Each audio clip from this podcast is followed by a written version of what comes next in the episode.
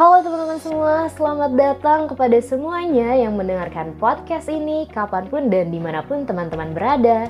Barengan sama aku Galuh Pratiwi yang akan menemani aktivitas kamu beberapa menit ke depan dengan membahas kegelisahan atau permasalahan yang mungkin sedang dialami dalam GPP, Girls Perspective Podcast, a friendly podcast.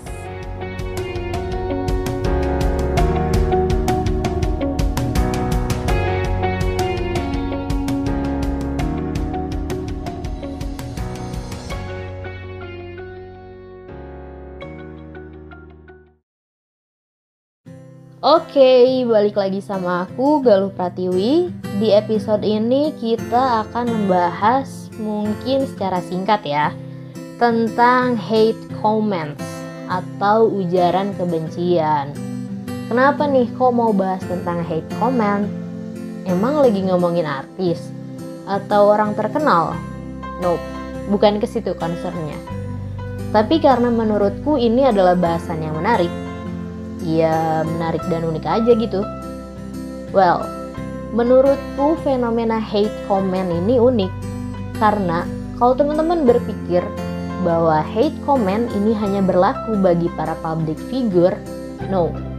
Tapi siapa pun bisa jadi korban atau bahkan pelakunya loh. Lah, kok bisa? Ya bisa, apalagi di era digital kayak sekarang ini di mana jempol kita gampang banget buat ngetik sesuatu yang entah baik dan bermanfaat atau justru sebaliknya gitu, buruk dan merugikan buat beberapa orang dalam jangka panjangnya. Oke, kita mulai bahas aja ya. Hate comment. Apa sih yang kira-kira terpikirkan ketika mendengar istilah hate comment? Artis, public figure, bullying, atau apa? Hmm, aku sendiri awalnya emang mikir kalau hate comment ini hanya terjadi pada public figure atau influencer atau artis or whatever you call it. Well, kalau ada teman-teman yang sama kayak aku langsung mikir ke sana, kita satu frekuensi. Ya, karena yang sering terlihat atau sering dibahas atau yang di-up ke media sosial atau di media-media pemberitaan adalah tentang artis-artis yang dapat hate comment dari haters. Tapi sebenarnya, ketika kita bahas tentang hate comment, itu terjadi pada hampir semua orang di hampir setiap fase kehidupan. Setuju nggak? Atau mungkin ada yang merasa selama hidupnya nggak pernah dapat hate comment. Kalau ada, alhamdulillah aku turut berbahagia mendengarnya. Jadi hate comment ini tuh apa sih sebenarnya? Hmm, sepengetahuan aku aja ya. And please correct me if I'm wrong about this.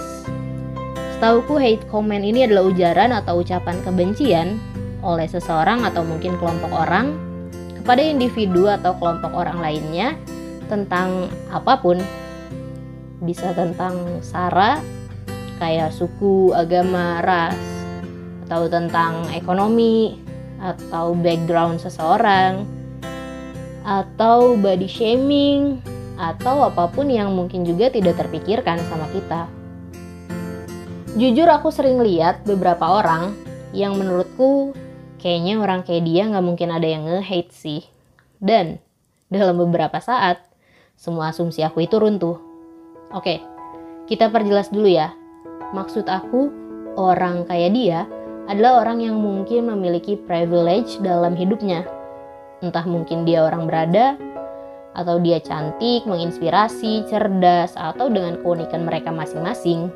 Ya, yang menurutku itu adalah kelebihan yang dimiliki. Tapi, ketika aku duduk di sebelahnya, aku dengar ceritanya, runtuh cuy semua asumsi itu. Karena dulu aku punya pola pikir, ini benar-benar pola pikir yang keliru ya dari aku yang dulu jauh sebelum aku mengetahui kerasnya kehidupan yang sesungguhnya itu kayak apa. Ya, aku tuh mikir mereka nggak mungkin dapat hate comment karena aku mandangnya they are too perfect to be hate. Apalagi kalau misalnya aku lihat temen aku cewek yang pada cantik, pinter, ah kayaknya sempurna banget deh. Sampai aku yang sama-sama cewek aja mengakui gitu kan. Tapi ternyata itu benar-benar pemikiran yang salah. Karena mereka pun dapat hate comment, entah dari keluarga, dari tetangga mungkin, atau justru dari circle terdekat, teman-teman peernya, significant person lainnya, atau bahkan dari orang-orang yang emang gak dikenal gitu kan. Well, oke okay, kalau dari keluarga atau orang-orang dekat, itu mungkin sudah menjadi apa ya istilahnya? Hmm, mungkin istilah ekstrimnya adalah sudah menjadi tradisi di negara-negara Asia atau negara-negara Timur yang emang orang tua uh, sangat concern terhadap perkembangan pertumbuhan anak, tapi kadang tanpa sadar memberikan hate comment kepada anak-anaknya. Sebenarnya tujuannya bagus, kayak misalnya minta anaknya untuk jaga makan, bukan selalu buat kurus, tapi buat sehat. Tapi kadang kala, ketika penyampaiannya, ortu mungkin aja keliru. Terlebih, gap usia ortu dan anak itu cenderung jauh. Jadi tanpa sadar, ternyata menyakiti hati anaknya. Jadi tujuannya kadangkala bagus, tapi aku pribadi tidak membenarkan hal itu maksudnya penyampaiannya ya. Well, setiap orang tua punya gayanya sendiri dan uh, punya caranya sendiri dalam memberitahu atau mendidik anak-anaknya. Kayak contohnya nih, yang aku ambil dari drama True Beauty yang lagi hits, biar beberapa orang kebayang. Di drama ini diceritain kalau tokoh utamanya, Im Joo Kyung, itu ngerasa nggak pede sama fisik dia khususnya di bagian wajah. Terus setiap dia cerita atau mungkin ngadu gitu ya istilahnya ke ibunya, dia malah makin dijatuhin. Kayak dibilang sama ibunya tuh gini, eh loh, kayak uh, intinya gini dia bilang ke ibunya, mah emang aku sejelek itu ya? Kok kayaknya orang-orang pada nggak suka sama aku? Tapi terus ibunya bilang, ya udahlah emang muka kamu begitu ya terima aja, sekolah aja yang benar jujur kalau aku ada di posisi dia mungkin depresi berat gitu kan karena mungkin dia cerita untuk bisa ditenangin, dipahami, apalagi sama keluarga sendiri. Pasti punya harapan besar. Tapi yang terjadi gak sesuai harapan dia. Akhirnya dia sempat berpikiran untuk bunuh diri. Atau contoh lainnya, kita ambil contoh yang lagi terkenal banget nih, Blackpink misalnya. Membernya uh, Kim Jisoo, dia tuh cantik banget kan. Lucu lagi pembawaannya tapi ternyata dulu dia pernah dibilang mukanya tuh kayak monyet sama teman-temannya. Ini contoh yang terekspos aja ya dan aku sih yakin banget semua teman-teman juga pasti pernah ngalamin hate comment gitu, pernah dapetin hate comment gitu. Cuman aku ngasih contohnya yang mungkin bisa teman-teman lihat langsung aja gitu. Nah, itu ya. Maksudnya kalau orang terdekat mungkin kita masih bisa hmm, sedikit paham ya, bukan memaklumi paham gitu. Walaupun hal itu tetap menyakiti. Dan kenapa bisa sampai terlontar kata-kata kayak gitu? Ya mungkin karena itu tadi ada tujuan yang baik. Kalau dari keluarga misalnya. Tapi yang jadi masalah adalah ketika hate comments ini muncul dari antah berantah gitu cuy maksudnya kayak lu siapa gitu kan. Gue juga siapa artis bukan. Kenal enggak. Tahu nama lu juga enggak. Terus tiba-tiba dia bilang nggak suka. Dia bilang benci. Dia hina orang dia hasut orang buat benci orang lain. Ini tuh unik banget gitu. Dari zaman dulu sebenarnya udah ada. Maksudnya kayak di zaman Rasulullah gitu kan ada aja yang benci beliau. Tapi menurutku zaman sekarang khususnya era digital ini ini tuh diperparah gitu dengan era digital ini tuh ya maksudnya kayak semua orang tuh bisa aja komen dengan bebas di account atau di komenan kita ke account orang lain. Yang mana padahal kita muji gitu postingan orang itu. Eh tiba-tiba nggak ada angin, nggak ada hujan, ini orang nge-reply komenan kita gitu. Terus dia bilang hal-hal yang memojokkan atau menghasut orang lain untuk nggak sepemikiran sama kita. Padahal ya kita mah nggak ada urusannya kan. Maksudnya komenan kita dilihat sama yang punya account aja belum tentu. Lah dia malah komen di situ. Maksud aku kalau emang mau komen ya komen sendiri. Ngapain nimbrung di komenan kita gitu? Ya aku paham bahwa kalau main sosial media berarti harus siap dengan segala konsekuensi pujian dan kritikan dari orang-orang yang kita nggak kenal. Tapi maksud aku di sini adalah dalam mengkritik itu ada etikanya ada caranya. Gak main mojokin orang gitu. Kan kasihan gitu ya kreatornya dia udah susah-susah bikin konten terus ada yang puji atau ngasih vibes positif. Beberapa detik kemudian dia scroll ke komenan orang langsung jatuh tuh moodnya. Bisa segitunya ya? Emang sih ada kata-kata ya elah omongan orang gak dikenal juga ngapain dipikirin um, menurut aku ini tujuannya baik ya mungkin untuk menghibur tapi kadang kala Justru di situlah masalahnya. Karena nggak kenal itu, justru jadi uh, pikiran baru gitu. Apalagi bagi orang-orang yang overthinking. Ini tuh jadi nambah-nambahin pikiran. Kayak, kok dia nggak suka ya sama aku? Kok dia benci ya sama aku? Salah aku apa? Emang postingan aku nggak layak? Dan pemikiran-pemikiran negatif lainnya gitu. Ini pengalaman terjadi di aku sendiri ya. Jujur aku orang yang suka muji orang lain di medsos. Ada juga kritikan, tapi penyampaiannya seperti apa dulu gitu. Nah, aku termasuk sering komen di kolom komennya YouTuber-YouTuber. Terus tiba-tiba ada yang reply. Kan kaget gitu. Yang bikin video kan bukan saya. Kenapa dia komennya ke saya? Agak aneh gitu kan. Dan kejamnya dia memojokkan si uh, video creator dengan bilang, jangan dipuji yang kayak gitu mah nggak layak bla bla bla dan sebagainya gitu ya ya kalau nggak layak aku nggak akan muji gitu kenapa aku komennya berupa pujian ya karena dari sudut pandang aku in my opinion dari penglihatanku pribadi itu tuh memang patut dipuji gitu loh maksud aku kenapa dia harus menghasut orang lain untuk nggak usah muji gitu kan Well, my point is, kalau nggak suka sama orang lain, just keep it to yourself. Gak usah ngajak-ngajak orang lain untuk ikutan benci sama itu orang. Atau, kalau nggak bisa bertutur kata yang sopan, ya nggak usah dihina juga. Ada loh yang namanya etika. Kalau kita mau ngasih kritikan, gimana sih? Ya, dengan tidak menggunakan judgmental words misalnya.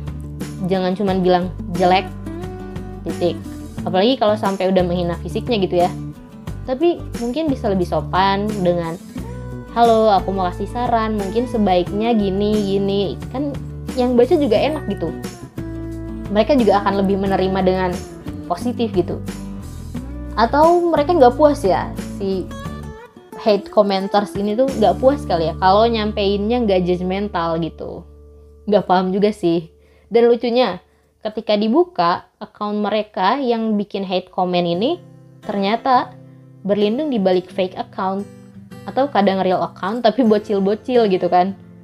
Terus hate commentnya tuh antara ngaco dan lucu. Ya aku juga tahu sih.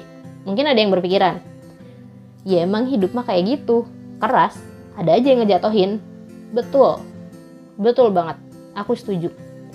Aku nggak nyalahin hal itu, bahwa hidup memang keras. Tapi, bukankah sebaiknya ketika kita tahu ada hal yang buruk, kenapa nggak kita perbaiki sama-sama untuk bisa jadi lebih baik? Nih, contohnya misalnya, uh, pernah dengar di podcastnya Mas Dedi, Dedi Corbuzier, yang sama almarhum ulama Syekh Ali Jaber, gitu ya. Beliau bilang, uh, pokoknya beliau mengingatkan kepada orang-orang yang belum berhijab, beliau tidak menghakimi, tidak memaksa. Cara mengingatkannya pun sangat adem. Beliau cuma bilang, jangan hakimi orang-orang yang belum berhijab. Barangkali di setiap malam dia punya dua rakaat tahajud yang membuatnya dihapuskan seluruh dosa-dosanya. Gitu. Nah terus nanti ada yang komen gini lagi. Ya gue kan bukan ulama. Wajar kalau gue nggak bisa kayak beliau. Nah pemikiran-pemikiran kayak gini nih yang kadang bikin gemes dan kadang malah dibenarkan. Padahal poinnya bukan itu kan. Unik ya emang kehidupan. Hmm, terus gimana dong kalau ada hate comment kayak gitu? Aku tuh nggak mau kepikiran misalnya. Tapi emang kata-kata itu lebih tajam daripada pedang. Dan ancamannya apa? Mental health, betul? Jadi kalau dari aku pribadi, ini sesuai pengalaman aku aja ya. Dulu awal-awal aku sering banget nih nangis bener-bener nangis sama hate comment dari orang-orang baik itu yang dikenal maupun yang gak dikenal sampai suatu hari aku dengar ucapan orang yang bilang kenapa ya Tuhan menciptakan tangan kita dua dan mulut kita hanya satu dan jawabannya adalah karena mulutmu tidak bisa selalu mengingatkan banyaknya orang yang membencimu tapi kamu bisa menggunakan kedua tanganmu untuk menutup kedua telingamu dalam mendengarkan hal-hal yang berupa kebencian. Di situ aku benar-benar dek kayak dapet ilham aja gitu dan mikir iya juga sih. Atau juga ada yang bilang kita tidak akan pernah bisa mengontrol reaksi orang lain terhadap kita.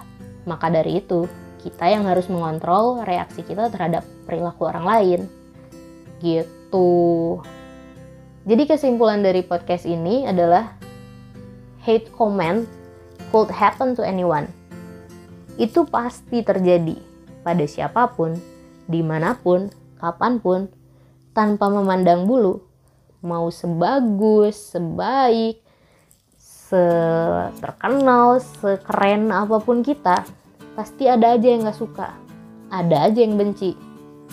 Jadi intinya teman-teman pahami dulu, terima dulu bahwa uh, akan selalu ada orang yang benci sama kita. Kalau teman-teman udah paham dan menerima hal itu, teman-teman kan mungkin lebih bisa mengontrol reaksi teman-teman ya.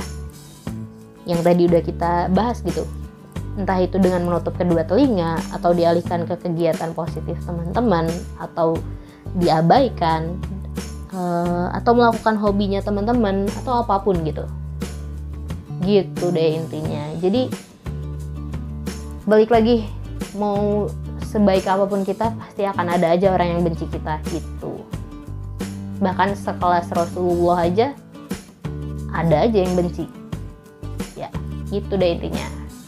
Oke nggak kerasa kita udah sampai di penghujung pembahasan podcast singkat kali ini tentang hate comments.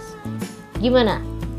Semoga teman-teman suka semoga bermanfaat juga khususnya buat teman-teman yang lagi struggling terhadap hal-hal serupa dengan hate comment ini. Jangan sedih, jangan terbawa dengan hal itu, just be yourself dan kontrol reaksi kita. Semangat terus semuanya menjalani hari-harinya. Terima kasih untuk yang sudah setia mendengarkan podcast aku sampai saat ini. Tungguin episode berikutnya ya. Hanya di GPP Girls Perspective Podcast, a friendly podcast. See you!